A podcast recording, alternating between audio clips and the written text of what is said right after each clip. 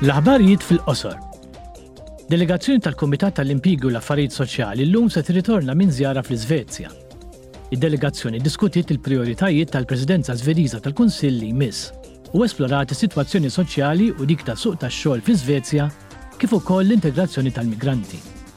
Il-membri tad-delegazzjoni ltaqgħu ma' ministri, imsieħba soċjali u ma' organizzazzjonijiet mhux governattivi. L-ewwel ta' Jannar il-Kroazja se tingħaqad maż-żona tal-euro u maż-żona Schengen. Il-Kroazja se ssir l-20 membru taż-żona tal-euro. Il-kontrolli fuq persuni fil-fruntieri interni tal-art u tal-baħar bejn il-Kroazja u pajjiżi oħra fiż-żona Schengen se jitneħħew. Il-kontrolli fil-fruntieri interni tal-ajru se jitneħħew minn Marzu. Għal Karras, Burning Days, Close, Triangle of Sadness u Will of the Wisp se jikkompetu għall-Premju Lux tal-Udjenza 2023. Iċ-ċittadini tal-Unjoni Ewropea li jmorru jaraw il-films jistgħu jikklassifikawhom b'massimu ta' ħames stilel. Ir-rebbieħ se jintgħażel b'mod konġunt b'50 fil-mija tar-riżultat mill-Membri tal-Parlament Ewropew u 50 fil-mija mill-votazzjoni pubblika. Il-film rebbieħ se jitħabbar f'nofs Ġunju waqt sessjoni plenarja tal-Parlament Ewropew fi Strasburgu.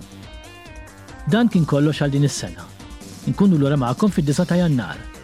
Nawgurawlkom Milied Hieni u sena ġdida mill-isbaħ.